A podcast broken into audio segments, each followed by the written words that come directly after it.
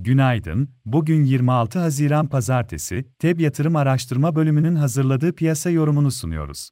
Cuma günü Avrupa ve Amerika piyasalarında satıcılı bir seyir izlenirken, Rusya'da yaşanan olayların ardından bu sabah itibarıyla Asya piyasalarında da hafif satıcılı bir seyir izleniyor. Amerika ve Avrupa vadelileri ise hafif artıda, altın cuma gününe göre yükselerek 1,924 seviyesine ulaştı. Yurt içi ve yurt dışında bugün önemli bir data akışı takip edilmeyecek.